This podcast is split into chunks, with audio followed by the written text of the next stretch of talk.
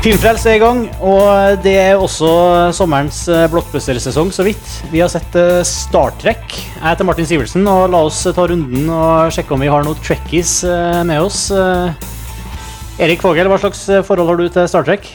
Oi, lang historie. Det begynte ganske tidlig for meg. Jeg har uh, hatt slekt i USA som jeg dro på besøk til på somrene når jeg var liten. Da så jeg masse Star Trek på TV. Og da når jeg kom hjem fra ferie da, så var jeg jo helt gira på, på det, men ingen skjønte hva jeg snakka om eh, hjemme i Norge. så det har vært en sånn ulmende slags person eh, ganske lenge, egentlig. Eh, uten at jeg i seinere år har vært noe sånn Har kommet ut av skapet som ordentlig tricky, da. Det kan jeg ikke si jeg har. Men jeg har fulgt det og likt det lenge. Sara Marie Voldseth, har du sett mye Star Trek? Uh, nei. jeg syns å huske at det gikk på TV en eller annen gang sånn for en stund siden, og da gikk det samtidig som noe sånn uh, Babylon 5, og det så jeg heller på, tror jeg, så vidt jeg husker. Men uh, jeg er absolutt ikke Star Trek. ja, noe tracky i det hele tatt, så det her var Du, du foretrakk Babylon 5? Jeg, jeg tror nok ikke jeg foretrakk det var andre ting som var bedre, men det, var, det er vel det jeg husker mest fra. Karsten Meinick, ja. Star Trek. Nei, ikke noe sånn spesielt uh, kjærlig forhold. altså. Jeg må innrømme at jeg um, har sett veldig få av de filmene som er laget. Og når det gjelder TV-serien, så veldig sånn tilfeldig. Type mer sånn jeg satt og klikket meg gjennom forskjellige kanaler og så på en og annen sånn science fiction-serie. Men jeg må innrømme at Babylon 5 og Star Trek og ting, de, de, de gled litt sammen for meg. Men det var jo også i en periode hvor jeg ikke var så popkulturelt bevisst. Men, jo, jeg vet det, jeg, men jeg må bare være ærlig. Milevis av forskjell. Er, ja, og det er veldig viktig å være ærlig. Jeg prøver jo ikke å på måte påberope meg noe sånn stor kunnskap om, om, hva som skiller de fra hverandre, selv om jeg må innrømme at jeg ble, ble sittende og se mer på Babylon 5, altså. Så mm. da er det kastet ut der. Men eh, akkurat i forhold til denne filmen så må jeg jo innrømme at eh, det var veldig mye som trakk meg til den selv om jeg ikke nødvendigvis har en sterk sånn fanatisk Star Trek-bakgrunn. da. Men det kan vi komme tilbake til. Det kommer vi tilbake til. Eirik Smidesong Slåen, har du noe forhold til Star Trek? Du, jeg, jeg, jeg liker ikke Star Trek, faktisk. Jeg liker ikke TV-serien, og jeg liker en av de gamle filmene. Hvilken da? Eh, det vet jeg faktisk ikke. Den siste vi på kino, tror jeg. Jeg vet ikke hvilken okay. det er. Den siste jeg så i hvert fall gjorde litt inntrykk. Men i, sånn, i hovedsak så er ikke Jeg kunne ikke et eneste navn før jeg gikk inn i salen. jeg kunne ikke en eneste plott Ik Ikke Spock eller Kirk eller Nei, nei altså når, han der, når Spock dukket opp, så tenkte jeg ah, Spock, ja, Spock husker jeg jo så vidt. tenkte jeg. Og så kom han der Skadi-fyren, og så huska jeg et eller annet sånn Beam me up Scotty-sitat, et eller annet, og da huska jeg litt mer. Og så sakte, men sikkert så kom det tilbake noen detaljer, men i hovedsak så er jeg ingen Star Trek-fan. Nei. Det høres ut som om eh, jeg og Erik faktisk er de som har kanskje sett mest Star Trek her. Jeg er litt sånn som, eh, sånn som Erik, eh, i og med at jeg, jeg, har sett veldig mye Star Trek. Jeg har sett det aller meste. Jeg har sett øh, alle filmene opp, bortsett fra de aller nyeste. Bortsett fra alle de som kom etter år 2000. Jeg har sett det meste av den opprinnelige TV-serien, og det aller meste av det som har gått av øh, Deep Space Nine og Voyager og Next Generation. Uh, men jeg så alt sammen på 90-tallet. Jeg tror ikke jeg har sett Star Trek. Jeg tror ikke jeg har rørt Star Trek eh, de siste ti årene. Så, så, liksom, så det, for meg så er det litt sånn eh, Det er litt en stor grøt av Star Trek i, mm. i bakgrunnen. Da har du nok sett langt mer enn meg. Eh, jeg tror jeg falt av på sånn film nummer fem eller seks en gang. Og, og, så ganske mye på Next Generation, men ellers jeg fulgte ikke dem Deep Space Nine og og de, uh, Star Trek Enterprise og de seriene som kom i ettertid. da. Enterprise har jeg ikke sett i hele tatt, faktisk. Men hvor mange serier hvor mange filmer er det totalt? Jeg tror det her er film nummer 11, og det er, bortsett fra, og det er masse serier. Altså, som vi har sagt, The Voyager, Deep Space Nine, uh, Next Generation og den Enterprise. Uh, og det, det, er flere sånne spin-offer. altså. Og alle Spock og de folka deltar i alt? nei, Spock er del av den opp både Spock og James Kirk er del av den opprinnelige besetninga som, uh, som var eh, hovedfigurer i de første fem filmene og i de første TV-seriesesongene som gikk på, på 70- og, og 80-tallet. Så der er vi. Og nå er også JJ Abrams sin uh, reboot, som det heter. Altså back, en slags prequel til hele Star Trek-universet, nå på kino. Og er- ser ut til å bli en braksuksess rent sånn eh, kassamessig, i hvert fall på box-officen i USA. Og vi begynner med å høre litt på eh, traileren, tror jeg. I couldn't believe it when the bartender told me who you are. Why are you talking to me, man? Your father was captain of a starship for 12 minutes. He saved 800 lives, including yours. I dare you to do better. Enlist in Starfleet.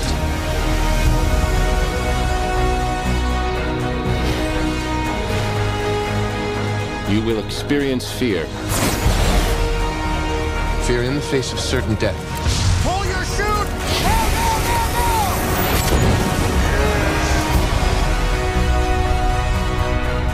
We received a distress call. I've been waiting for this day my whole life. This day of reckoning. We've got no captain and no first officer to replace him.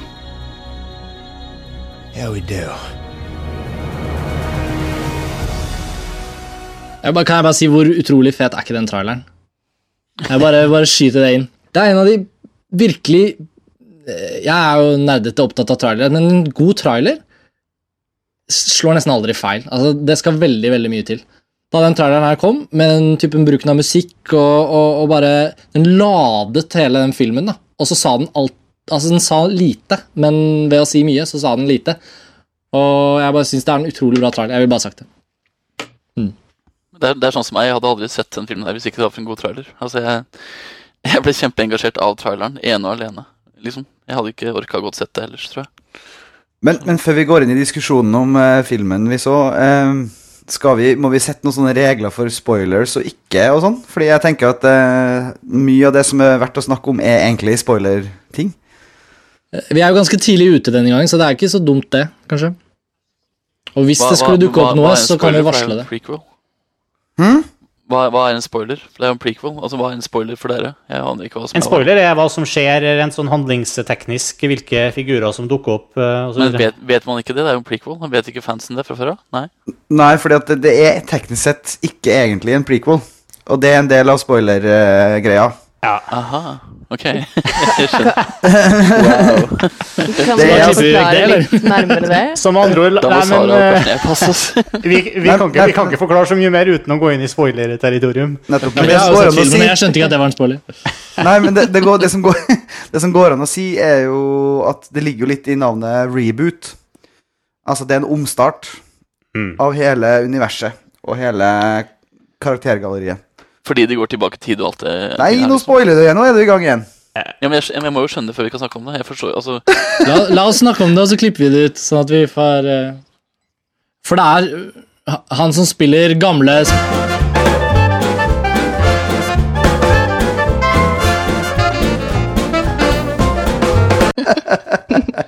Veldig bra. ok. Men altså, her, det, her, her er altså back, på mange måter backstory. Altså, du får møte unge eh, versjoner av eh, figurene eh, som, eh, som vi kjenner fra den opprinnelige eh, TV-serien med William Shatner og Leonard Nimoy og, og Spock, og, altså Spock og Kirk og Zulu og, og alle de personene. Altså med nye, noen nye, ferske skuespillere. Eh, Eh, og det er noe som vi ikke har på en måte sett gjennom noen av de filmene eller TV-seriene vi har. Eh, altså, vi er tilbake på Enterprise nå med originalbesetning, rett og slett. Bare at skuespillerne er forskjellige. Og hvilken cast. Syns de gjør en kjempejobb. Ja, Casten er jo virkelig noe av det mest imponerende, syns jeg. Han hovedpersonen, Chris Pine, jeg innbiller meg at jeg har sett den før. Kan noen fortelle meg hvor? A Star Is Born, sier jeg bare. Ja. Mm. Han har visst vært med i Six Feet Under noen sesonger og litt sånn forskjellige små serier, CSI Miami og litt forskjellige sånne ting, men ikke noen sånne store filmer som jeg kjenner til, iallfall. Han har, han har vært litt sånn romantisk komedie-sidekick, tror jeg. Så vidt jeg har skjønt. Jeg var jo skeptisk når jeg så han i traileren, for jeg syns han liksom så litt sånn eh, vel eh, sånn Dandyboy-aktig ut, men eh, Han ser bra ut, og det hjelper jo på filmen, det. Ja, men han, han spiller jo strålende, og han er jo Og ikke minst så handlingskraftig karakter. Altså, det var jo bare sånn der, det, det var helt åpenbaring for meg. Jeg hadde ikke forventet at, uh, at verken han som skuespiller skulle fungere så godt, for jeg syns han ser ut som en sånn der skikkelig fløtepus. Sånn der, han kunne gått rett inn i Baywatch når jeg ser et stillbilde av han. da. Ja, det er Eh, akkurat det jeg reagerte på, jeg òg. Ja. Men i filmen, herregud, for en uh, får bare lyst til å heie han frem. William Shatner kunne ikke spilt i Baywatch. Uh, nei, antageligvis ikke. Selv, selv ikke som 30-åring. Han er jo en, han er jo en blåøyd, eh, blond fyr som gudskjelov går rundt i filmen og er skada i ansiktet og blør og er liksom litt sånn der eh, rufsa til, da, på en måte. Mm. Det, er jo, det kler jo faktisk Chris Pine veldig godt. Å være blond og blåøyd, men russa til. Det passer jo. Liksom. Så kan han heller være kjekk i neste film, hvis han vil det.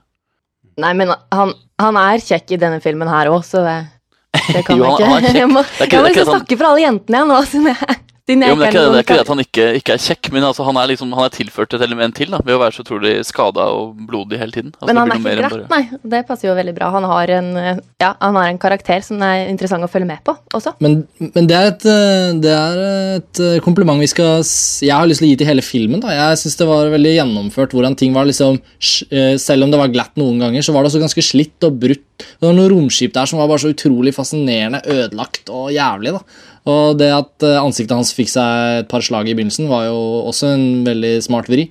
For da ble det liksom ikke sånn overpolert og litt sånn derre det kan ofte bli så sterilt. da, Som feilslått science fiction er noe av det verste som fins. For du føler liksom, du ser alle rekvisittene, og du ser, du ser liksom pappfigurene nesten sånn dirrer i veggene. Mens på denne Et eller annet de har fått til her, altså, også fotarbeidet. Det kan vi komme mer inn på senere. Jeg syns, jeg syns filmen var ganske stygg, jeg, faktisk, på mange måter.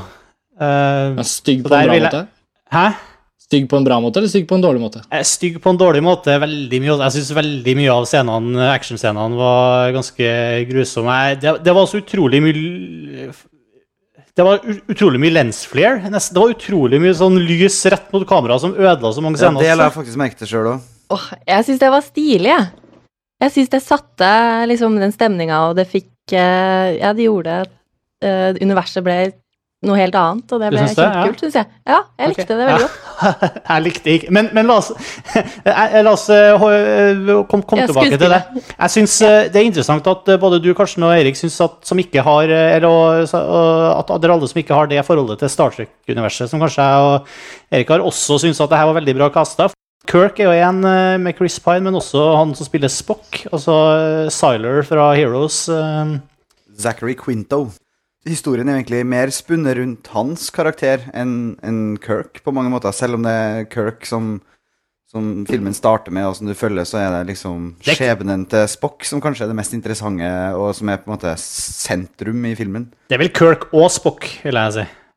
Jo, Eh, de eh, to sammen. Og jeg føler jo at det er jo der eh, i hvert fall, nå skal jeg, Min take på, på filmen er vel egentlig det at jeg, s- jeg syns filmen var veldig underholdende i, så lenge det dreide seg om eh, Kirk og Spock og personene på Enterprise. Og, altså, det var utrolig mange gode karakterøyeblikk her, da.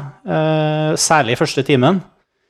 Eh, Men eh, jeg føler at måten man jobba seg fram til de karakterøyeblikkene på, var, eh, føltes bare veldig oppkonstruert. Og eh, hele plottet som sådan var ikke bare syvende og sist uinteressant, men fryktelig eh, lite elegant. Sist si- Sitter jeg igjen med som, eh, som helhetsinntrykk. Jeg, jeg har eh, eh, Jeg, jeg mista Filmen mista meg på noen tidspunkt, men jeg syns den vokser så utrolig i siste akt. da Syns du det? Ja, faktisk. Jeg syns den tapte seg fullstendig i siste akt. nei, når de får prata seg ferdig i alt det der tullballet som de på en måte føler vi må høre, og begynner å handle igjen, da, da syns jeg det ble kjempekult. Jeg var, jeg var livredd etter de første ti minuttene, faktisk. Åh, den åpnings-actionsekvensen var jo grusom. Ja, altså, men det handler ikke om hvordan actionen er laga, det handler om eh, Nå vi se opp for spoilers igjen, altså, for det er et eller annet med alt det som skjer samtidig her, i forhold til den romskip eh, eh, sånn eh, slag, og så er det ute i space, og så skjer det noe annet, nemlig at eh, vi får møte faren og mora til, til Kirk, og også får være med på hvordan Kirk eh, kommer til verden. Og det er så det er så overdramatisk og latterlig at jeg holdt på å bare flire meg i hjel. Og så, så er det Eh, pakka inn i det Ja, nå vet jeg at vi er uenige om det, men det jeg syns var en stygg eh, sekvens Hele en skikkelig uo- uoversiktlig shaky cam eh, Men liksom, jeg, jeg er helt enig, der mista jeg meg. Men eh, så snart du havna ned på jorda og liksom var i Iowa og i baren og på rekruttskolen og, og alt det her, så, så er det Det, det syns jeg var det, den beste halvtimen, 40 minuttene av filmen. Da den åpningsscenen der var over, så var jeg så fornøyd og nesten litt rørt Oi. at jeg tenkte Oi, ja. hvordan kan denne filmen slå feil? Dette er jo bare helt briljant start. Og jeg er helt bevisst på at det er utrolig kyniske, dramatiske virkemidler de bruker, og jeg er helt bevisst på at det er mange konstruksjoner underveis i den åpningssekvensen, men jeg syns den var så jævlig tight, og den var så bra gjennomført. Og den var så godt klippet. Jeg rakk ikke å bli misfornøyd fordi den bare brakte meg videre med en gang. Og jeg var så redd for at denne filmen her skulle ha sånne eh, sånne der oversynlige liksom, Jeg nevnte det jo litt i stad, men, men den derre det, det, man- det jeg frykter veldig av denne typen science fiction, eller de fordommene jeg har, er at man liksom man ser, eh, man ser liksom konstruksjonen, og da mener jeg fysisk. Selve, selve inn, inni romskip, inni altså Vegger og sånn blir ofte så utrolig sterilt. Mens jeg likte da det du mislikte, Martin. Jeg digget at filmen bare kastet meg inn, og at det ristet, og at ting falt, og at ting eksploderte. Og at liksom, og så deilig at et romskip kan bli skutt på, men at ikke hele romskipet skal gå i oppløsning med en gang. Men at det er litt sånn Ok, nå, har vi liksom, nå er det mange døde der nede, og nå er det noe sprengt, og da må vi se om vi kan ja, Jeg likte den åpningsactionscenen, syns jeg var helt prima. Så det var veldig interessant at dere mislikte den så mye. Nei, ikke dere. Det var bare jeg som har sagt jeg mislikte den. Erik, var ikke du også Jo, men det Ja, handler mer om karakterene, ikke om actionen. Jeg syns også Ja, ok. actiondelen var helt fantastisk. Men det, å, ja, altså det, det får du en måte på skjebnesvangre øyeblikk uh, uten overført betydning engang. Men jeg synes denne filmen bare Da sa den til meg med en gang at dette er eh, den stilen vi legger oss på. Er du med, eller er du ikke med? Ja. Jeg syns den var så ærlig da Jeg synes den var så ærlig om hvordan den valgte å være. Jo, men jeg syns det er litt for enkelt å si altså, at den var ærlig. Jeg synes den var veldig billig, faktisk. Altså, Hvis en film er ærlig om hva den skal være, så er den jo ikke så lettkjøpt som den var her. Altså, Hele åpningskussklippingen mellom det som er spoiler, var jo ganske lettkjøpt, på en måte. Og det som man ble emosjonelt grepet av, var jo ganske lettvinte virkemidler, da, vil jeg påstå. Og jeg, jeg, jeg var ute av filmen helt til de kom ned på jorda, og det handla om det som du sa, Martin, det med skolehverdagen og alt det. Da ble jeg med, først. Fram til da så tenkte jeg bare oi shit, det her var jo både kitschy og billig og veldig veldig sånn tabloid måte å bygge opp eh, noe, no, no på. da. Så jeg, jeg var ikke med før det kanskje hadde gått 20 minutter av filmen. Faktisk. Men da var jeg med òg, da. Da var jeg med filmen ut. Det er, når, det er når vi blir kjent med Kirk at uh, og, Kirk og Spock møtes. Da blir jeg med. Så det tok faktisk litt lenger. For meg så er den der starten på jorda, ungdomsårene, rebellen uh, ute i eh, Iowas uh, flate landskap, det syns jeg er håpløst klisjéfylt. Det er liksom når vi får komme litt nærmere på dem etter hvert, at det vokser igjen, da, for min del i hvert fall. Du mener den biten der hvor de satt med manuset til Star Wars og sa hvordan kan vi gjøre dette på Star Trek-måten? Ja, Det er liksom Farmerboy på den eh, ensomme planeten, ja. Jeg satt etter den første med foreldrene til eh, Kirk, da. Eh, ja, så eh, da, da satt jeg med den derre Hva slags film er det her? Er det, hva, hva, er det så obvious hele veien? Er det så Vi ser jo hva som kommer til å skje. Og, eh, men med en gang de kom ned til jorda, og man fikk soundtracket med Sabotage, var det vel? Det er klisjéfylt, ja, men fy søren så rått det var. Det var kult. Det var, liksom, det var fart, og det var spenning, og det varte ikke altfor lenge. Og så det, det var bare det, det, Da kom jeg litt sånn Ja, nå, nå koser jeg meg. Liksom, nå syns jeg det er en underholdende film. Det her er ikke så Kanskje ikke så klisjéfylt, uh, følelsesmessige ting som jeg hadde frykta. Også Men i det er litt stil i det. Ja, og så kom barscenen, og den var Den viste humoren som resten av filmen også har med seg.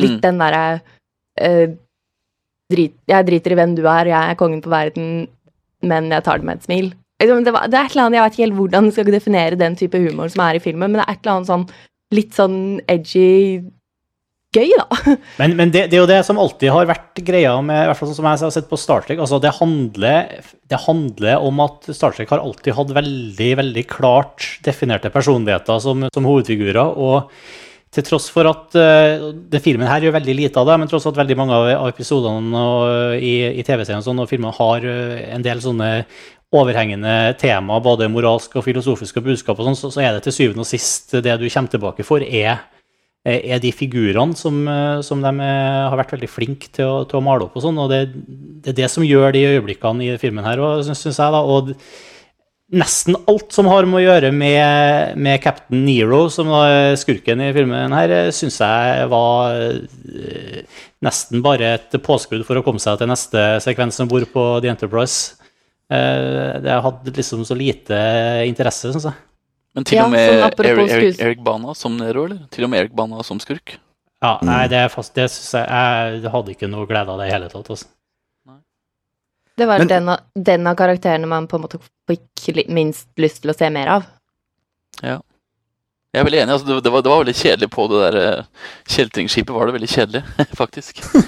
Sånn som du sier nå, det var liksom litt sånn der, det var veldig dølt scenografisk og veldig sånn opplagt industrielt. og sånn der, Oi, her blir det slemme mennesker. Her er alt fælt. Her er det grønt og svart og grått og ikke noe annet. liksom. Men det er jo typisk Star Trek. da. Alle skurkene eh, har uh, tatoveringer og ser ut som monster, og alle skipene til, romskipene til skurkene ser Jo, jo, ut som men det, eh, det, var jo sikkert, det var jo sikkert veldig kult når Star Star Trek kom. Ja. Men nå i dag så er jo det, er det å bli veldig veldig utdatert. da. Det føles veldig dumt. på en måte. Og jeg er helt enig enig med at det var veldig kjedelig å være på det skipet. Og når vi kom tilbake til uh, Enterprise, så var det finere farger, og det var mer glossy, og det var bedre karakterer, og det var morsom dialog. og Da, da koste jeg meg, altså. Men det som er viktig her, er jo også at det er jo ikke en film som skal tas bånn seriøst. Det er jo nettopp eh, Tonen blir jo satt i åpninga. Eh, det er jo helt latterlig, og du skal bare bli med på moroa. Eh, men en, en, en kommentar til det med scenografien om bord på skurkeromskipet. Det er en sånn ting som alltid Det er sånn science fiction-klisjé at eh, Eh, Som jeg aldri tror på. Hvorfor ville jeg ikke Det gjelder Cylons i, i Battlestar Galactica, det gjelder masse andre Det gjelder Imperiet i eh, Star, Star Wars. Eh, altså, Hvorfor har skurkene så utrolig lite koselig om bord i romskipene sine? Hvis de først skal reise mange lysår og være om bord i det skipet, her, og de bor der, og de skal liksom omgås hverandre, hvorfor skal de ha det så jævla mørkt og trist? Jeg skjønner det ikke. De har holodekk. Ja. Nei, men det er bare en sånn generell ting. Jeg, jeg jobba med et uh, prosjekt en gang som hadde noe aliens, og da skulle vi lage et skikkelig koselig romskip som eh, slemme aliensen var på. Det skulle være skikkelig hjemme. Du, ap apropos aliens, det syns jeg var jævlig kult i filmen. Det var mange kule aliens. Det skal jeg ha, selv om du bare fikk se dem lite grann. Jeg er helt enig med deg. Eh, Jeg syns det var en veldig, veldig veldig fin humor i, i introduksjonen av Scotty og, og den derre 80-talls-aliens uh, som var ikke CGI i det hele tatt, bare helt plastikk, men veldig sånn Veldig med sånn tungen i kinnet og veldig fin humor der, syns jeg, med hele den biten. Det som er så kjipt med, synes jeg, med filmen, her, og det, det har med måten uh, Altså, plottet er rett og slett altfor avansert og uh, altfor oppkonstruert for å få med seg de figurene som de har lyst til å ha med i serien, uten å gå for mye inn i spoiler-territorium igjen. Men, eh, eh, og det er så utrolig tydelig når du havner på, på isplaneten og eh, du liksom plutselig eh, stopper bare hele filmen opp. Og du mister alt det momentumet du liksom har bygd opp eh, fram til da. Og eh, det blir bare kjipt, til tross for at det skal være liksom eh, det pangøyeblikket som eh, liksom som skal få deg til å komme inn liksom Yes, trekk i eh, Jo, men jeg syns det er skikkelig trekk i øyeblikket. Det at eh, Kirk blir stranda på en fremmed planet. Og Jo, jo. Det, det er så typisk Det var ikke, det var ikke akkurat det jeg reagerte på, det var det som skjedde ti, fem minutter senere. Ja. Hvor, hvor liksom eh, bare uh, Tempoet blir bare skrudd helt ned, og det, plutselig, er det sirup i filmen. Liksom. Ja, og så skal de prate om det, og det er den partiet jeg også snakker om. For at liksom, når du kommer midt i filmen, andre akta, da skal alt Unnskyld, da skal alt forklares, og da skal man prate om det. Uh, og helt enig at den mista masse momentum der. Og forklaringa er heller ikke verken spesielt oppklarende eller uh, lett å henge med på. Nettopp. Så du, du, får jo, du, får jo, du får jo på en servert motivasjonen til bad guyen veldig seint. Altså, du får jo du får en førsteakt som vi har snakket om. Han, han, han går og drar på skolen og, og var ja, barn, barneugangskråk osv. Og, så og så kommer andreakten, som jeg egentlig ikke mener er en andreakt. For at andreakten kommer først veldig seint i filmen. Eh, det er et mellomparti hvor det egentlig ikke er noen verdens ting. Det bare er kaos. da, Og veldig sånn klønete fortalt av regissøren. Altså veldig sånn, jeg, jeg hintet ikke med det hele tatt på hva som var plott eller hva som var motivasjonen til denne kjeltringen. Men jeg fikk med meg at det var en karakterutvikling, og jeg fikk med at det ble, ble måte plassert noen viktige karakterer som jeg skjønte var viktige for Star Trek-fans, på en måte, som jeg også begynte å like. Men det var først på slutten da, kanskje av andre akten hvor jeg faktisk begynte å føle at å ja, nå, nå er vi i en andre akt. Nå skal vi plutselig gå videre i filmen. Og da, før det så satt jeg egentlig bare og tenkte at å ja, her er det masse å følge med på. Her er det masse energi og kule effekter. Men historien engasjerte meg ikke før kanskje det hadde gått ja, en og en halv time. Det er jo, det er jo lenge en Hollywood-film som har øh, vært utvikla Jeg syns det er besynderlig at så mange Altså, en rekke norske anmeldere har kasta seg sekseren her. Er ikke det litt rart? Nå har jeg fått veldig todelt, da. Ja. Todelt mottakelse. Mm. Eh, Jeg fikk vel seks av Vegard Larsen i Dagbladet. Jeg vet ikke. Hvilke andre er det som har gitt seks? Birger Vestmo i P3. Ja. Filmpolitiet. Aha. Så, Hva synes vi? Du, du hørtes ganske fornøyd ut med filmen, Karsten. Ja, altså, jeg blir litt sånn stum, for jeg syns det er litt viktig å få de Altså, jeg, siden jeg akkurat har sett filmen, så er jeg jo veldig nysgjerrig på å høre hva dere andre tenkte. Fordi jeg var Jeg var helt satt ut over hvor godt jeg likte den. jeg. Det skal sies at vi kommer alle sammen rett fra kinosalen, så Ja, alle, ja. alle inntrykkene er ferske. Ja. Nei, men virkelig, jeg, altså jeg hadde jo litt forventninger, som jeg sa, basert på at jeg likte traileren og sånn, men jeg hadde ikke noe for... Altså, jeg hadde... Jeg, på en måte kom ganske sånn fordomsløst til filmen, da. Og da mener jeg sånn at jeg, jeg trodde ikke det skulle bli sånn veldig bra, men jeg tenkte jeg håpet det blir gøy. Uh, jeg ble, jeg, vet, jeg ble skikkelig revet med. Kanskje det er lenge siden jeg har sett en sånn jeg vet ikke, popcorn science fiction som actionfilm som som bare ikke irriterer meg på noen ting. Som bare er gøy. Jeg syns den var liksom oppriktig gøy hele tiden. Uh, og jeg har liksom ikke noen sånne innmari smarte argumenter for det. Jeg bare koste meg så veldig.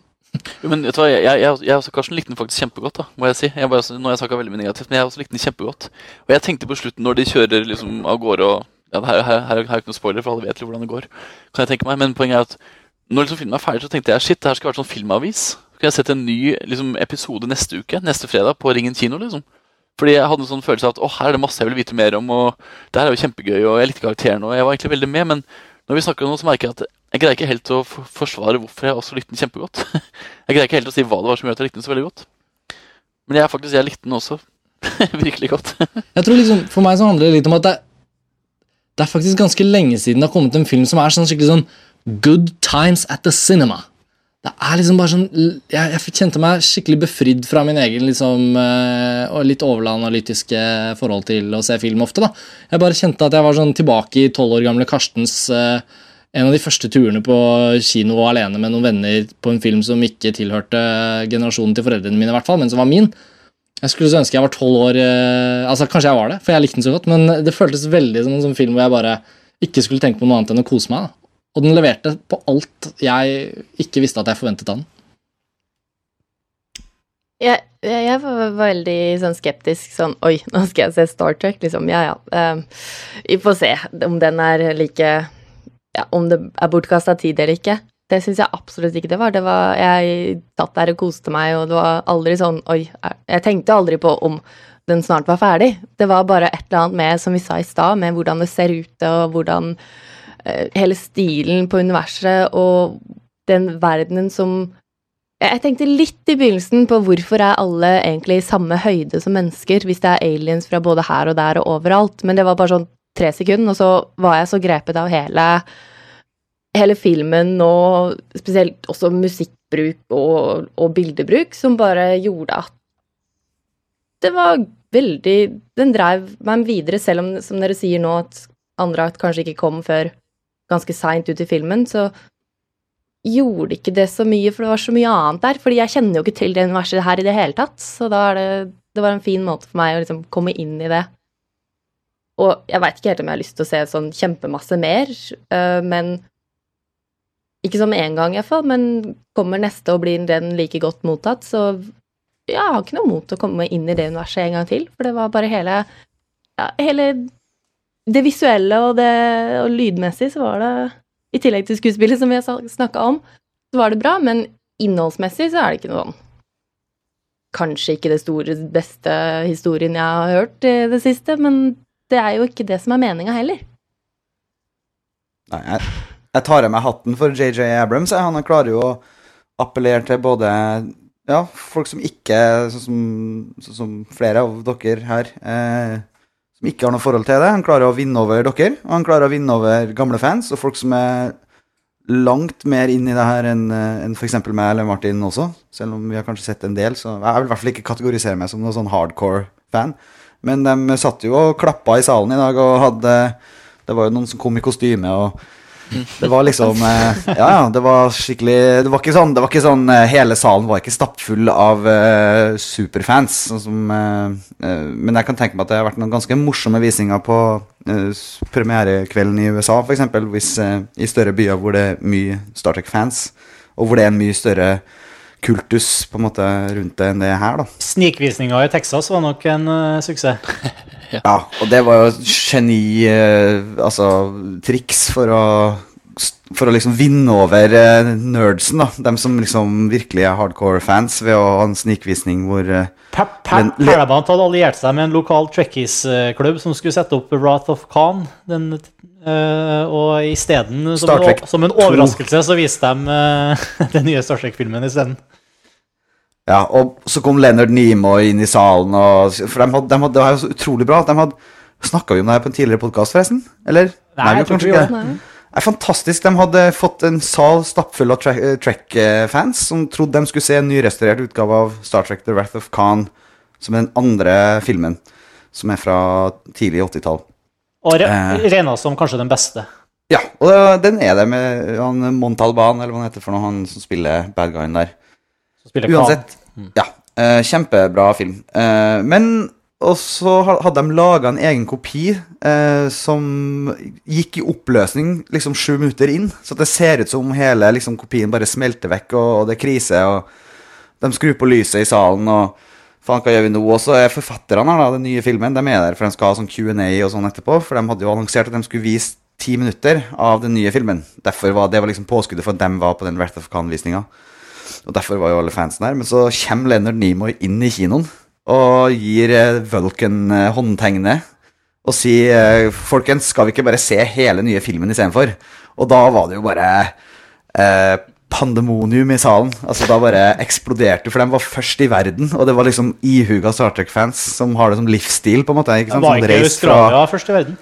Nei, men de eh, klarte å slå dem pga. på grunn av den visninga. Det var Det finnes jo videoer av dette her også som er ganske Ja. fascinerende og gøy å se på. Ja, jeg fikk frysninger når jeg så det. På den, hvor, hvor du hører reaksjonen fra salen når de skjønner at Lender Nimoy står der, og så, når de får høre at de skal se den nye Star Trek-filmen, så blir jo folk helt eh, gal, og det er kjempeartig. Folk eh, high fiver og, og liksom eh, jubler og hopper. Det er veldig artig.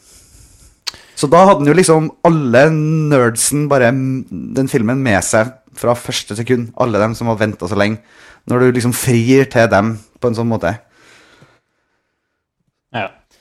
Nei, eh, jeg er også eh, Jeg forbeholder meg retten til å være eh, litt kritisk til filmen. Jeg syns den var ujevn, altså. Jeg hadde som sagt store Jeg vet ikke, jeg, jeg ble ikke spesielt revet med av, eh, av det meste som, som, som ikke var eh, karakterscener, for å si det sånn. Men, men det til gjengjeld syns jeg funka veldig, veldig bra. Og jeg syns det, det her var en skikkelig vitamininnsprøytning til hele Star Trek. eh, eh, eh, franchisen, og, og Star Trek trenger det virkelig, for det har, vært, det har gått veldig nedover med, med Star Trek de siste årene. på følelsen av, og um, De har funnet en fantastisk eh, cast og eh, egentlig til å gjøre hva de vil med framover. De kan lage flere filmer, de kan eh, starte en ny TV-serie med, med originale Enterprise-besetninger. det var masse kule referanser her til til, til Star Trek-universet. Altså Kobayashi Maru-scenarioet og, og alt det er veldig gøy å se Kirk og, og Spock som unge, og, og liksom hvordan De traff veldig mange nerver, og ikke minst eh, han eh, Chris Pine som spiller Kirk, eh, i hvert fall mot slutten av filmen, særlig i siste scenen, og sånn, så er det jo som å se William Shat Han gjør Ja, en skikkelig god William. Shatner. Han gjør det. du si, im impression på, på slutten. Og, nei, det, det henger veldig godt sammen, også, men eh, akkurat det, da. Men jeg, hadde, jeg, hadde, jeg likte heller ikke mange av de estetiske valgene de gjorde her. Altså. Jeg tror egentlig de eneste actionscenene jeg satte pris på her, var det som foregikk på de her plattformene, de her drilleplattformene. Ja, det var råtøft. Det var tøft. Det var veldig bra. Det, Men ellers jeg likte også da når de ja. kastet seg ut første gangen for å komme ned til den plattformen. Ja. Likte jeg også at han var ganske Innimellom så turte han å være ordentlig kreativ på lyd. da Eh, det er jo ikke veldig originalt, men det, men det var liksom forfriskende, fordi den, den, den er ganske heseblesende. da, Det går ganske fort her i den filmen. Akkurat når de kaster seg ut der, så bare skrur de av hele lyden, og så hører man bare Kirk som puster inni hjelmen. Lyden var ganske kul, og særlig Ja. de her sorte hull-lydeffektene og alt det her var veldig Og hyperspace, warp speed-lydeffekt. Men eh, musikken syns jeg kanskje var litt eh, standard, men eh, Men ja, Ja. god, god lyd. Jeg synes også det var veldig bra Et sted hvor man ikke eh, kanskje forventer at det skal være så bra lyd, er når de Ja, i en scene hvor to karakterer eh, går med sånne funky science fiction-pistoler og skyter sånne lysstråler, så forventer man liksom sånn. Men der hadde de lagt inn noen ganske sånn tunge lydeffekter når disse skuddene lander i vegger og på ting. Som var ordentlig sånn der, Det minte meg om et par sånne pistolskudd fra Miami Vice av Michael Mann, hvor du virkelig hører kula bare dundrer inn i noe metall. Ja. Der var det ganske sånn tunge, sånne litt sånn uscience fiction-aktige lydeffekter. Jeg Og, likte og, det. og det er på mange måter også en slags uh, skritt vekk fra, fra Star Trek-tradisjonene. Det her, det, det er mer uh, det er På lydsida, ja, i hvert fall. Det er en mer moderne Star Trek, det her, både på lydsida og, og cinematisk. Ja, også, ja. eh, men, uh, men det trenger Star Trek-serien også. Og det høres ut som vi alle, selv om vi likte forskjellige ting her, åpenbart, og syntes uh, forskjellige ting funka, så er vi alle enige om at det her var en underholdende film. Og um, Jeg anbefaler den for både gamle fans og, Ja. og folk som ikke aner noen ting, i hvert fall. Det virker som den funker, uansett. absolutt. Men jeg har et jeg- spørsmål til dere som er fans. Fordi Er er det ingen damer i Star Trek-universet, eller? Jo, de har, de har korte skjørt. Ja, og så sitter de, sitter de ved en konsoll og bare forteller hva datamaskina sier. De bare gjentar det datamaskina sier, sånn at Kirk hører det. Altså, Ja, fordi- Det var hura i den opprinnelige serien. Det er jo helt abs absurd. altså Selv i 2009 så er det jo kjønnsfascistisk til tusen, liksom. Jeg mener, Hun ene dama som er med i scenen her, er jo, altså det er jo mora, da, ikke sant? Men altså Hun ene går jo bare rundt i et miniskjørt og er den eneste som ikke blir skada i det hele tatt i hele filmen. liksom Alle de andre har et eller annet sår. Hun går rundt i det der skjørtet sitt og er en sånn dolle, på en måte. Hun er pen, ok, men altså er det ingen liksom, damerollemodell i det hele tatt? Det har jo alltid vært en litt sånn uh, skår i sida på Star Trek, det der at uh, til å være et sånt utopisk samfunn Man har avskaffa penger, man har liksom kommet så langt i forhold til rasisme, og bortsett fra at nå er det selvfølgelig interplanetarisk eh, rasisme isteden, men uh, og alt det her, så er det fortsatt uh, litt sånn, eh, som du sier, kjønns... ja, det, det, det, det er problemer der fortsatt, altså.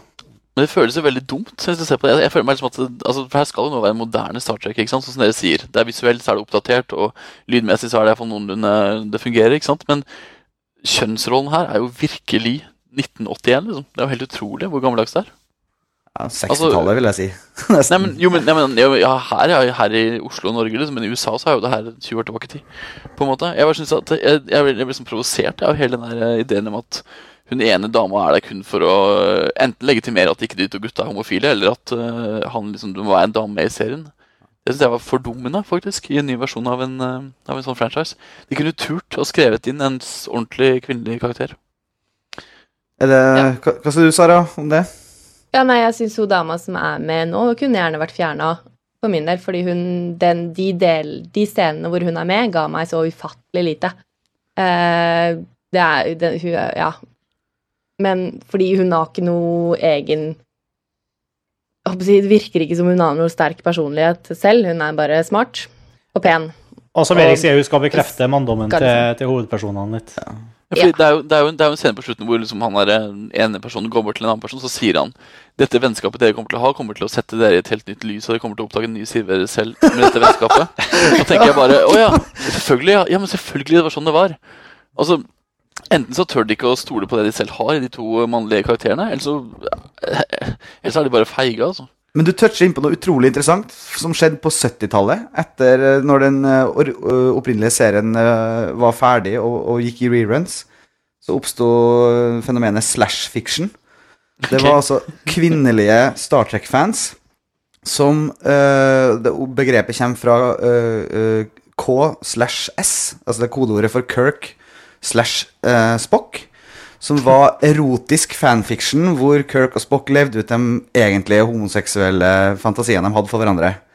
Eh, Det var en sånn subkultur som starta med noen få folk, eh, som etter hvert fikk eh, eh, bedt seg, og det har liksom blitt Altså, du finner i dag også med, med alle mulige eh, eh, folk som fantaserer om karakterer i kjente serier og sånne type ting, men slash fiction kommer fra Star Trek, og det er akkurat det du sier, eh, med at uh, altså, de har et veldig, uh, veldig spesielt og tett forhold, Kirk og Spock.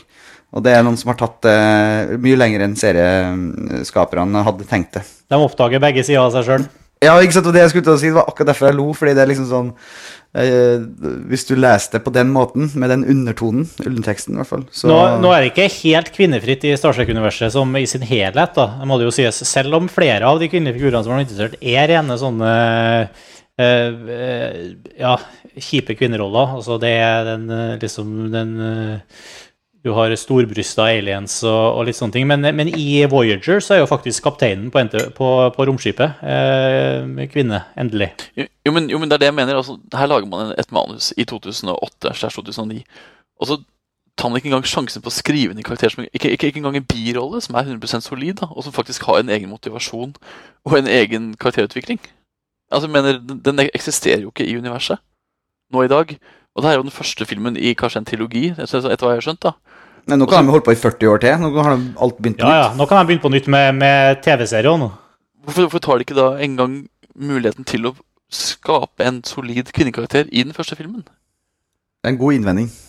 Jeg synes det er veldig veldig rart. Og pluss, jeg altså hvis, du, hvis du fjerner hun der dama i miniskjørtet på en måte, og hører på alle de dialogene som er mellom Spock og Kirk, så er det en sånn et klassisk Ok, det er første verdenskrig, og befalen elsker sin løytnant, og Bilbo og Frodo og alle de der litterære konnotasjonene som finnes i sånne vennskap opp gjennom historien.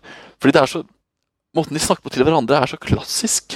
Den type ting, da. Og, det, og så kommer hun dama som skal på en måte veie opp det, og jeg, jeg, det, er så, det er så tafatt. Det er så utrolig simpelt, da.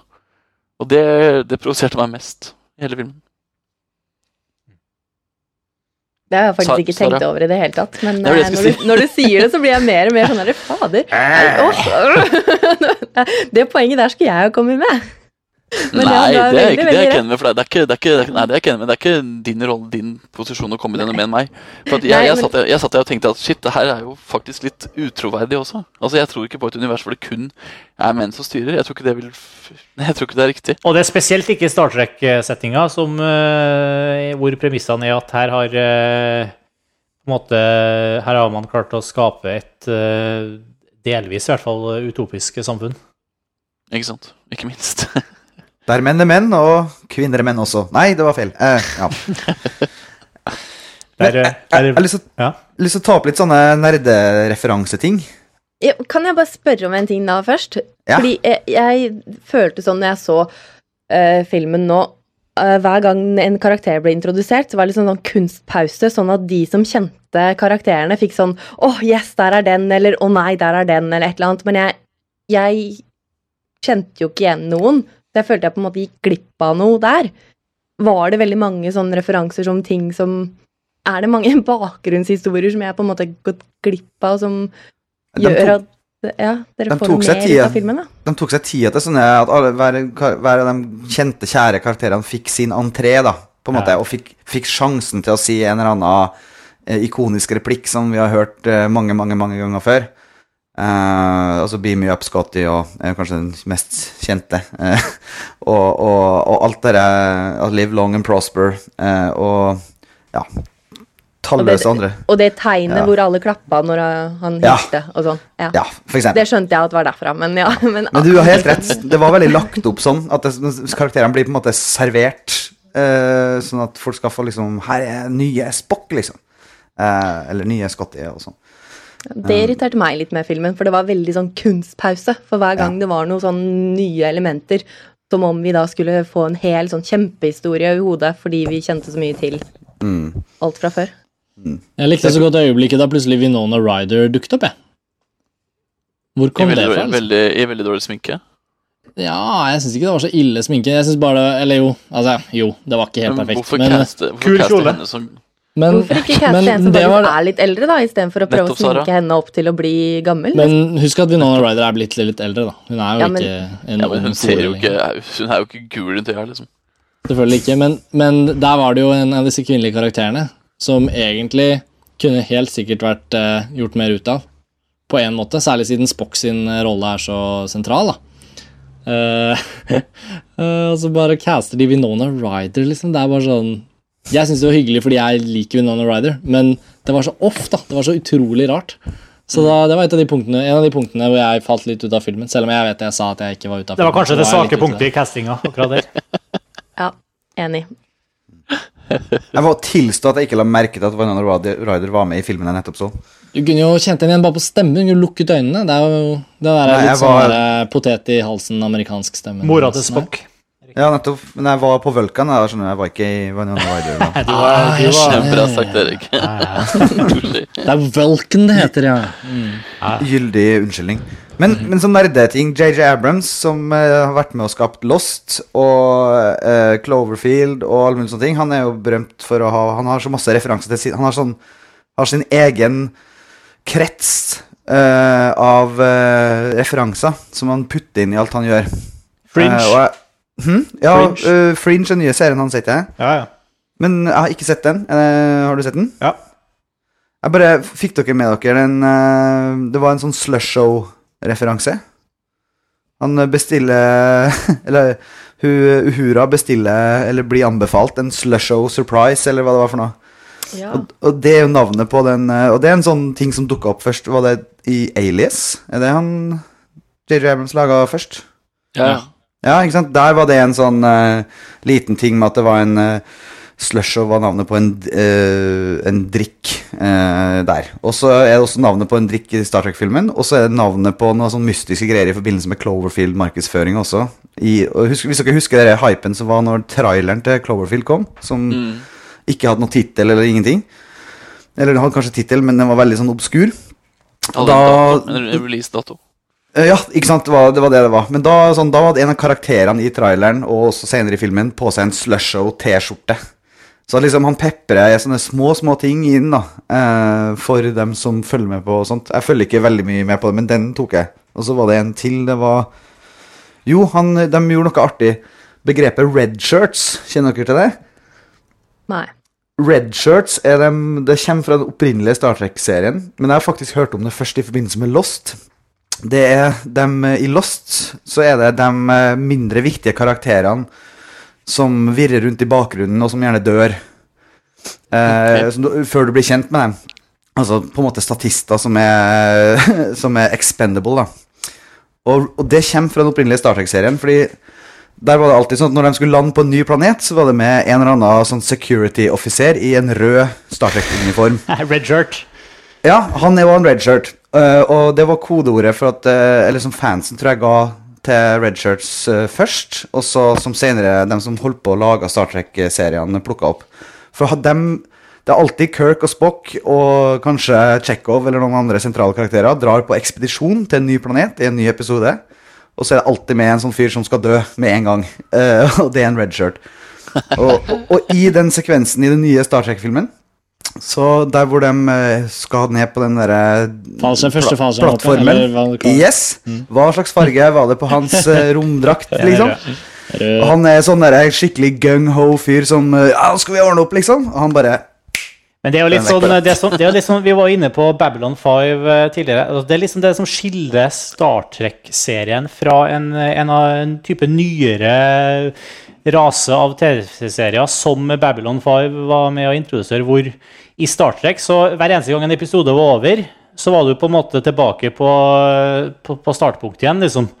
Du hadde på en måte ikke forandra noe som helst i universet. Ingen av hovedfigurene dine hadde dødd. Ikke, du kunne liksom begynne på nytt neste gang med helt nytt plott. Og, og du, liksom, du begynner fra scratch i hver eneste episode.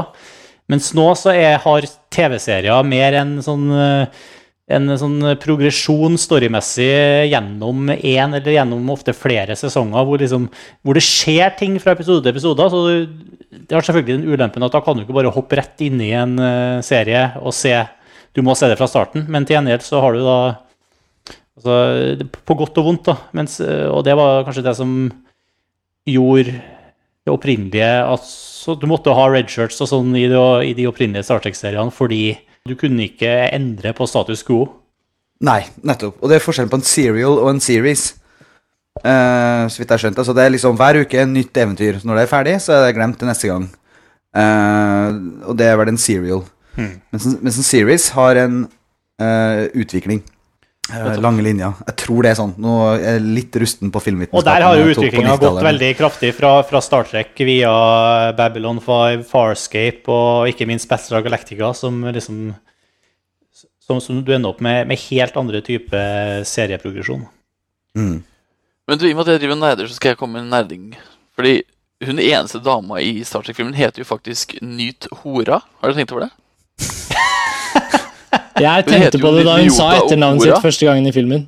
Og det er jo faktisk et poeng, altså Når hun sier hva hun heter i filmen, så smiler jo han derre Fornavnet, mener du? litt sånn skjevt. Nei, altså hun heter jo Uhora i filmen. ikke sant? Uhura. Uhura. Og det er jo Nyt hora på norsk. Det er, det er, det er sånn skjult kjønns kjønnsrasisme i filmen her, altså, jeg er sikker på. Jeg tror at uh, Du, er nå er du sånn på sånne Det skjult, Jarle-konspirasjoner her, altså. Sånn ICA og CIA og sånn. Nå er du der. Ja, men der er jo JJ Abrams òg. Hvis du har sett Ja, Fringe, det er akkurat så vet du at det jeg er mener. Han er jo der, ikke sant? Han, er, der, så han vet jo om det her. Ja, men det her er jo en karakter fra 60 60-tallet, som uh, var før JJ Abrams var født. Så det er en gammel karakter? Ja. Ja. Ok, jeg trodde hun helt sikkert var ny. Og hun er også svart, har store Ja, ja, her, og ja. kort skjørt. Nå fikk jeg noe på Wikipedia her, selvfølgelig. ja. Gammelt svart-hvitt bilde og allting. Wow. Hun hadde Ja, større er pupper på 60-tallet er enn hun- hadde i filmen. Ok. Er hun mørk fra gammelt av også? Ja, ja. Og det var jo er revolusjonerende. Altså, i, når serien kom, så var jo det Var jo det Ja. det Altså, De fylte jo både kvinne- og minoritetskvoter med den figuren. Det legitimerer jo alt. Da kan det jo være 150 menn, liksom bare det er én mørk dame. Men ikke i 2009. Men jeg er nesten sikker på at når, når, hun, når hun presenterer seg som Ohora i filmen, så smiler han der Kirk litt sånn skeivt, da. Altså Det er en sånn gimmick på at hun skal hete Ohora i filmen. Det, det, det gir jeg meg ikke på. Altså, for han smiler jo sånn her Å ja. Mm. Sara, har ikke du tenkt over det her?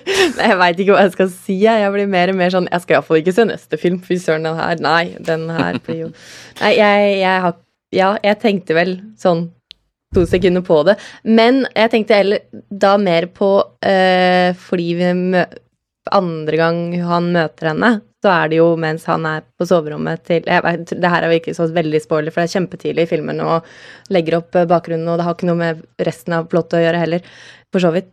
Men eh, da er eh, da Kirk på soverommet sammen med ei annen dame. Ei grønn dame. Som, ja, grønn dame. Det var veldig morsomt. hun, hun Ja, den scenen er litt bra, men hvor da hun sier at ja, et eller annet med at eh, hun har hun har får ikke lov av romvenninna si å ha flere menn på rommet. Og da blir han litt sjokkert over at hun har flere menn, og da er det liksom Da gir hun er litt sånn der legitimt eh, bilde for at det er ikke bare han som driver roter rundt, det er jenter også. På en måte litt sånn eh, Det var der eneste gangen jeg tenkte på kjønn, var litt sånn derre Aha, Mm. der fikk du den. Det er ikke bare gutta som kødder rundt, det er damene og gjør også som de vil, liksom. I hvert fall dem som er grønn. Ja, iallfall de grønne, men det er det er da jeg tenker hvorfor var hun grønn, da? Det er liksom, hmm. Det der er også et veldig skritt uh, i ny retning for, uh, for Star Trek-serien. Altså, det har, sex har alltid vært veldig underspilt, i, særlig i de tidlige Star Trek Uh, Eller det har selvfølgelig Det var- ha, det jo med TV-serier generelt å gjøre på, på 70-80-tallet, men eh, Det er jo ikke akkurat overspilt heller, da. skal sies. Nei, nei. Han ligger, han ligger i underbuksa over en dame som er fullstendig påkledd. liksom. Det er ikke så veldig Det er ikke overspilt. det Jo, men det er Trust me, det er likevel eh, et, et skritt. Stort Det er veldig konservativt, altså det her. Jeg syns det er ganske gammeldags og litt utdatert. Ganske mye av det. Et stort Altså- skritt for Star Trek, et lite steg for oss. Star Trek har jo alltid vært en veldig sånn familievennlig, moralistisk type Jo, serie. men igjen, det her er liksom JJ Abrams leid inn for eh, 8 millioner dollar for å reboote Star, Star Trek, og det blir fortsatt gammeldags. Det blir fortsatt ganske så konservativt og litt kjedelig. Ja, for er det, et eller annet, er det egentlig noe sånn veldig revolusjonerende med den filmen her? Nei, jeg vil ikke påstå det. jeg, jeg, tror, jeg tror egentlig ikke han kunne gått så veldig mye lenger. Eh, han kunne selvfølgelig inkludert mer gode kvinnelige figurer, det er jeg helt enig i, men i forhold til Altså, eh, ja Både Hva skal jeg si eh, Vold og Eller i hvert fall sex, da. Jeg kunne ikke gått så, så veldig mye lenger uten å på en måte bryte litt med Star Trek-tradisjonen. Men han, han tillot, seg ikke å ta inn et eneste budskap. da. Altså, Etter min mening så er filmen blotta for budskap utover seg selv. Og, Og det, og det, er jo, det strider jo med tradisjonen igjen, for Star Trek er jo som regel full av budskap. ja, pluss at Hvis vi snakker om et univers som liksom en gang i fremtiden har forkasta penger, og folk lever i harmoni, på en måte, så er det jo et budskap der. Men han, Det er jo ingen scener som jeg kan huske som hadde en eneste slags sånn kommentar til dagens samfunn. da, Og veldig mange av de der litt outrerte science fiction-filmene og, eh, og horrorfilmer har jo ofte et budskap utover seg selv. ikke sant? Men den her har jo etter hva jeg kan se, ingen verdens ting. Er helt enig. Den er, Ifølge Onion News Network så er jo det, det nettopp den gamle fansen reagerer negativt på. At det ikke er et dårlig, overtydelig plott med en eller annen message, og at det ikke er dårlig spilt, og at, det, og at spesialeffektene er for bra. Altså, fansen var rystet over at den har fått gode kritikker. Ja. For de er vant til å, de er vant til å ha underdog-rollen, ikke sant? Star Trek-fansen. De skal liksom eh, og den er Ja. for, for underholdende. Ja, altfor underholdende. Ja, ja. Men altså, lenge, lenge leve. Men altså, det er jo faktisk lov til å legge en budskap i film som Jeg mener, den er, den er fullstendig tanketom, spør du meg. Ja, absolutt. Det er popkornfilm. Ja, det er helt Ja, enig. det, nei, nei, nei, nei, nei, fordi det er ikke det. Fordi popkornfilmer kan ha et budskap. Altså, Ja. Horrorfilmer kan ha et skikkelig budskap. Liksom. Det kan virkelig være rett i trynet kritisk, hvis, de, hvis man vil det. Og det finnes popkornfilmer som kan være så Altså, de kan ha et enkelt budskap, men det kan være et budskap. Her er det, etter hva jeg kan forstå, ingen verdens ting, da. Nei, og det lille som er, er ikke Det er fullstendig overfladisk. Altså, Spock, Spock må følge følelsene sine en gang iblant, og du har Ja. de herre eh, Og Kirk her, skal bryte reglementet. Han skal bruke, det bruke reglene en gang iblant. Og, også Ja, også hele det herre dilemmaet som er i den herre test... Den herre, det er jo spilt på den herre Kobayashi eh, Kobayashi Manu-scenarioet. Som er en gammel, det er en gammel Star Trek-referanse hvor eh, eh, Som del av rekruttopplæringa for, for nye eh, For offiserer, eller for alle i, i Starfleet, da. Så, så blir du på en måte satt i en sånn kapteinposisjon, og man er nødt til å øh, ta en beslutning basert på en helt umulig situasjon, hvor du rett og slett må velge mellom flere onder, liksom. Og, og, og selv ikke det er utnytta i filmen til å, til å ta noe som helst eh, egentlig filosofisk standpunkt eller et eller annet, bortsett fra at du må bryte reglene. Eh, Altså, jeg, er helt, jeg er helt enig med den vurderinga, Erik. At eh, her, her har de på en måte Det er underholdende, kanskje, og, men kanskje da på, på bekostning av noe som helst form for budskap. Ja, men Det savner jeg ikke helt at det er, i hvert fall. Nei, det er helt greit. Det, Star Trek har ofte vært litt for uh, nedlessa med budskap, egentlig. Liksom, det nest, noen ganger har det nesten vært på litt sånn nivå som at uh, husk alltid å be en voksen om hjelp før du Før du Ja, bruker komfyren, eller ja.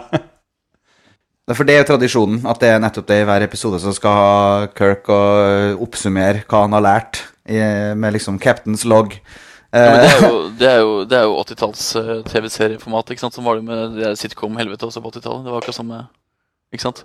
Men det jeg mener er at det finnes jo faktisk store popkornfilmer som tillater seg ett rendyrka ordentlig budskap. Og det syns jeg faktisk er en merverdi altså, ved de filmene, og her får jeg det ikke. Nei, men, men ofte så er det jo banale budskap. Altså Eh, ja, Hvis du tror hardt nok på det, så får du det til, f.eks.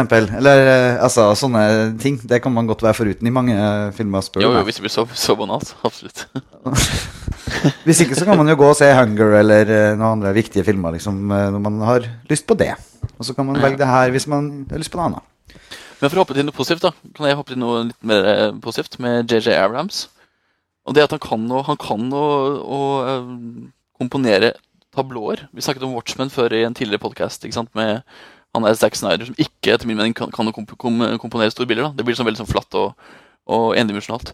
Her er det skikkelig driv og energi i de store science fiction-bildene, syns jeg. da Hva tenker dere om det? Hva, hva mener du? Nei, altså når vi, når vi ser eh, store romskip i outer space og sånne sorte hull, og når vi ser de store store bildene, da, så føler jeg at de er faktisk de er ganske så Det er mye energi i det. da Det gir meg noe. Mm. Nei, det er veldig smart gjort. Eh, Det var nesten så det brøt ut eh, applaus. Det var i hvert fall noe jubling eh, på den Vi var på samme visning nå, Erik. Mm. Og så når Ja, mot slutten av filmen så kommer Starship Enterprise ut fra en sånn slags tåke. Veldig vakkert eh, datagenerert bilde som bare gjorde at det var liksom Det var noe som fikk rundt meg der jeg satt noen helt sånn spontane reaksjoner av å se liksom romskipet stige fram. Eh, nå skal jeg ordne opp, liksom. Han er veldig god på veldig sånn ikoniske store bilder. Enig i det. Men det er veldig gøy, for det, det er jo da det er gøy på kino. ikke sant? Det er da, det er da kino blir kino. Mm. på en måte Og det fikk vi jo ikke i Watchmen. Watchmen så synes jeg at det var veldig sånn flatt fordi kameraet var rett på med en person i forkant, og så var det en blue screen bak, og så der var det animert inn bilde. ikke sant? Men sånn de bildene av det der, det der bad guy, bad guy romskipet som på en måte omslutter det lille skipet. ikke sant? Nå husker ikke jeg Ja. navnet på de, men det var, så, det var så snedig, og så var det litt sånn kunstnerisk på en veldig kul måte. Og det fikk en merverdi, da. Og det vil jeg tillegge JJ Abrams, for min del i hvert fall. Og vi snakka også i Terminator-podkasten om det med at James Cameron med den første filmen la grunnlaget for en franchise. Og det har jo også JJ Abrams vist at han har klart her, å bare omdefinere alt. og bare Nå starter vi på nytt. Og alt det som du sa, Sara òg, det er liksom eh, du, du kan tenke deg å se mer, hvis det er bra. Altså, han har liksom virkelig laga en fin pakke til å lage et nytt utgangspunkt for en eh, franchise. Ja, det var men, men nå når vi snakker om det, så, så begynner jeg jo å tenke, da. Fordi jeg lurer på, hvis vi hadde hatt den podkasten her etter noen par dager, så veit ikke jeg hvor mye som hadde sittet igjen av filmen. Men det er jo ikke det som var poenget heller, for det var veldig underholdende der og da. Men, men, men, men, men uansett da, så har han klart å lage entusiasme rundt en, rundt en eh, franchise som jeg, jeg tror ikke jeg tar med meg vann over hodet når jeg sier at den i praksis har ligget død i ti år. Altså, det har vært utro... Det har aldri vært så mye entusiasme rundt en ny Star Trek-film som nå. Eh, De siste, i hvert fall i, i, det, her, i det her årtusenet. De, de forrige filmene med, med Picard og Nemesis og Insurrection og de filmene, de har ikke vært i nærheten av å generere så mye interesse. og, og det samme med de nye TV-seriene. Altså, når, når folk sier at de liker Star Trek, så liker de Star Trek. De liker Next Generation, de liker originale Star Trek. Eh, De, de, men det, Wrath of Khan. de, de liker gammel Star Trek, liksom. Her, her er det på en måte for første gang på lenge generert eh, genuin interesse rundt ny Star Trek. Og det, det, det er bra. Men er det første filmen som heter Star Trek? Star Trek, eh, Første Star Trek-filmen het Star Trek. Ok, Så det her sånn heter det fordi det Nei? Star Trek The Motion Picture. ok. In, in Amazing Technicolor, da, eller? Ja, men det Fordi jeg, jeg, jeg, jeg, tenkte jo liksom i mitt stille sinn at her skal den hete Star Trek, for de heter ikke alle sammen Star Trek. Så jeg ble litt sånn her, oi, overraska, men ok. Star Trek i romertall kolon, og så en eh, liten frase. Star Trek vært, 11 eh, er det vel teknisk sett. Ja. Ah, Ja. Men altså med de, med de besøkstallene som ser ut til å komme i USA i helga og i Europa, så det, kommer det jo en ny Star Trek-film i løpet av i hvert fall to år.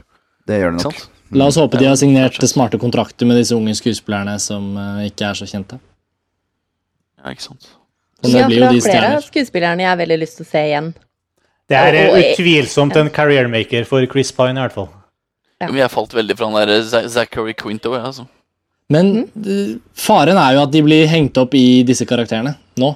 At det blir vanskelig å caste dem i noe annet. Nei, men Zachary Quinto er jo allerede tett assosiert med en annen karakter fra, fra. Heroes, og det, det var ikke noe stort hinder for han i rollen som, Scott, som Spock, det. Nei, altså, det, er jo en Men- helt, det er jo en helt annen rolle. Nei, nei. Der er jeg litt uenig, fordi i Heroes så skal han også være en kald, følelsesløs person. Eller, ja, og her er han en kald, følelsesløs alien.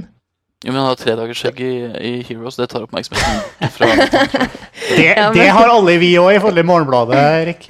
Ifølge Morgenbladet. ikke Sara. Sara, har du begynt å anlegge skjegg? Eh, Jeg prøver så godt jeg kan, men eh, det går litt dårlig, gitt. Ok, ja. Nå har ikke jeg Ja. uh, uh, nå er jeg litt satt ut. Jeg. Nå hadde jeg tenkt å si noe i forhold til Heroes. Du skulle si noe om Heroes og Siler.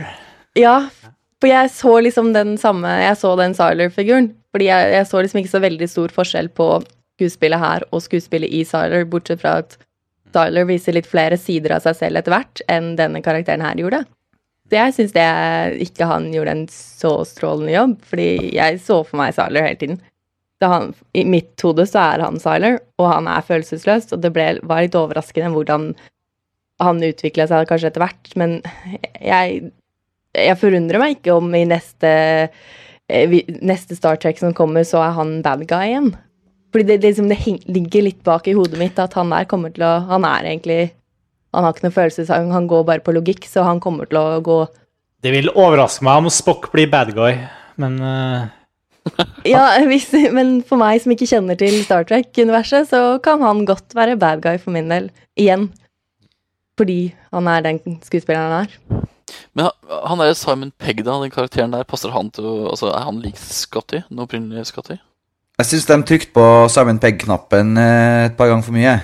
Er det Ja, jeg er litt enig i det, altså. Den skotske karikaturen av en uh, engineer, chief engineer, eller hva han er for noe. Den karakteren er jo, var jo også i den opprinnelige serien en slags humor-sidekick på et eller annet vis, eller? I likhet med Tsjekhov. Men Tsjekhov syns jeg funka ganske bra her. Ja, det var litt uh, kanskje litt, Litt mye, mye, den, men den det er der bra. scenen ikke sant? som Ja. du snakka om, Sara, den scenen hvor du skal liksom kjenne igjen, kjenne igjen dem.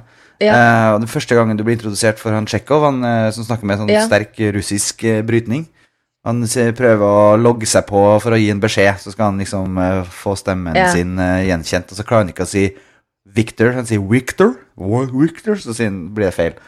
Eh, det er jo feil på russisk. Han ville jo sagt Victor helt uten problem. Men det er Victor. nå bare meg som irriterer meg. Nei, jeg er også helt enig. Jeg har jeg reagerte på det. Jeg syns det var veldig morsomt. Jeg, jeg synes han var en fin karakter. Ja, så den var veldig sånn konstruert da, litt da. Men, eh, men ellers uh, funka det bra. Men Simon Pegg hadde et par sånne Simon Pegg-øyeblikk som var litt for mye, hvor han skulle være kjempemorsom, og så med en sånn søt sidekick og i hele tatt. Ja. Jeg skulle gjerne sett, meg, sett mer av den uh, sidekicken hans ja, igjen, da. alienen. Det sånn- Det var litt pussig, de scenene her, var det ikke? Ja. Det var tydelig at de har spilt inn flere scener med den alien-sidekicken der, som gjorde at vi ikke helt skjønte humoren eh, i mange av de i flere av de scenene, hvor, de, hvor han liksom drev og løfta han Ja, alienen. men det er jo sikkert han samme Simon funnet på sjøl, ikke sant. Han er jo litt, stjerne, han får komme med sine ting, han også. Han har sikkert funnet på Å ja, vi må ha en plastikk-alien som er halvparten av mine høyde. Det kan bli gøy, og så tok de med det. Det tror jeg er veldig sannsynlig. Ja, det var nettopp da jeg fikk sånn Ja, hvorfor er alle alienene like størrelse som, som jeg sa i stad, like størrelse som menneskene? Nei, der er det faktisk en som ikke er det. Da har de også Ja. Sjekk på den. Samme som uh, hvorfor er alle menn Nei, vi har en hot uh, dame som vi kan bruke. Sjekk på den. De har liksom Ja, veldig inn, veldig ja. oppskrift på En litt, liten trivia som jeg bare så nå på Wikipedia, at produksjonsselskapet til Gene Roddenberry, som skapte den opprinnelige Star Wars eh, Star, Star Wars, ja, Star Trek-serien, het Norway Corporation. Yes. Eh, hvis, eh, det står ikke på Wikipedia, så hvis eh, noen som hører på det her, har lyst til å fortelle oss eh, opprinnelsen til Norway Corporation, og hvorfor det heter det, så si fra i kommentarfeltet. You boldly go where no man has gone before. Ja. Eller apropos Aura. Ja, ikke sant? Mm. Nitora! Kanskje du har rett, Erik? Du, jeg er helt overbevist om at jeg har rett. Jeg tror det bor en kjønnsfascist inni JJ Abrams. Jeg skal sjekke det opp på diverse forum i morgen. Jeg lover deg. Hovedpersonen i, eh, i Fringe er også kvinne. Fringe. Ja, men det er bare en unnskyldning. Han må jo ha noen sånn legitimering av seg selv. Men. Det er bare sånn selvsagt. Ellers jeg, vil jeg også gjerne nevne for dem som eh, er interessert, at det, det fins Altså, i forhold til Vi snakka litt om Babylon 5. Det er noe jeg ikke har visst før i nyere tid. At, at fans av Babylon 5 og fans av Star Trek har vært i krig om hva som er liksom det beste science fiction-universet. Eh, og ut av det Ja, men det er altså mellom Star Wars og Det er det også, så alle krangler med Star Trek, liksom. men, uh, men jeg vil liksom anbefale uh, For ut av den rivaliseringa som var, gjerne foregikk på nettet på slutten av 90-tallet, eh, når, når fangruppene begynte å møtes til verbal dyst, eller skriftlig dyst, så var i hvert fall ut av det så kom det en film, en Star Trek-parodi, som heter Star Wreck, som er finsk. Som ble laga av en gjeng med fans eh, som eh, eh, ligger gratis for nedlasting. Eh, ja, så Bare søk på Star Wreck, så finner du hvis du har lyst til å se en finsk Star Trek-parodi. Laga annet han finnen som vi intervjua her nylig. eller? Det stemmer. Det var det første prosjektet hans og deres. Så Og som et, det er derfor kanskje en eh, delvis grunn til at nettstedet heter Wreck a Movie også. absolutt. Så det er ganske morsomt. Star Wreck. Jeg har ikke sett den ennå, men eh, det, er- det er kanskje på tide. Ja. Ok, skal vi eh, prøve å runde av den her eh, Jeg føler at jeg prøvde å runde av denne episoden for ca. 45 minutter siden. Men- Kanskje er det feil å prate over en time om en, den filmen her òg? Altså på ett plan? Nei, det er helt riktig. Ja. Be bedre det enn å prate i tre minutter. Men hva er konklusjonen, da? Det er starten på sommersesongen for min del. Jeg gleder meg til alt som kommer. Jeg. Det, virkelig, det var jo popkornbegynnelse. Det, Så vil jeg komme med én anbefaling til, som er en litt sånn harselas med Star Trek og fankulturen. Det er Galaxy Quest. En veldig, veldig morsom eh, film som eh, bare kom på video her i Norge. Den er vel fra ja, 99, 2000, eller noe sånt, rundt der. Med Sigourney Weaver og Alan Rickman, som spiller skuespillere som var stor på 60-tallet i en science fiction-serie som tilfeldigvis ligner litt på, um, på Star Trek. Eh, hvor eh, I starten av filmen så møter vi dem rundt, De går rundt på sånne fan-conventions og signerer autografer og svarer på idiotiske tekniske spørsmål fra serien som de ikke vet noen ting om. Sånn, ja, men det er ulogisk i sesong 2, episode 13 at uh, sånn og sånn og sånn, fordi Newtons andre lov sier at, videre. Eh, men den, den derfra så tar det helt av. Eh, fordi det viser seg jo at eh, eh, At eh, eh, en fremmed, en alien-rase ute i verdensrommet har sittet og sett på den serien. Og blitt inspirert til motstandskamp mot et ondt galaktisk imperium. Så de kidnapper hele skuespillerbanden og setter dem i et ordentlig romskip. Som, eh, ligner, som er bygd til å ligne helt på eh, romskipet i serien de var kjent for. Så da må de faktisk spille ekte versjoner av seg sjøl i kamp mot et ondt imperium. Det er fantastisk morsomt. Høres helt sjukt ut, men veldig morsomt. Galaxy Quest. Galaxy Quest. Vi eh, i Filmfest er tilbake om én uke. Da skal vi prate annet om Coraline, som vi skal prøve å få sett i 3D. Du, jeg gleder meg.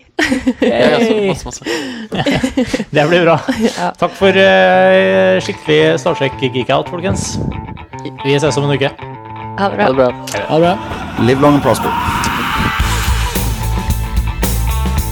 Filmfrelst er en ukentlig podkast. Du finner oss i iTunes eller på filmfrelst.no. Vi er alltid glad for kommentarer og innspill. Send oss mail på podkast.filmfrelst.no, eller stikk innom sida og legg igjen en kommentar.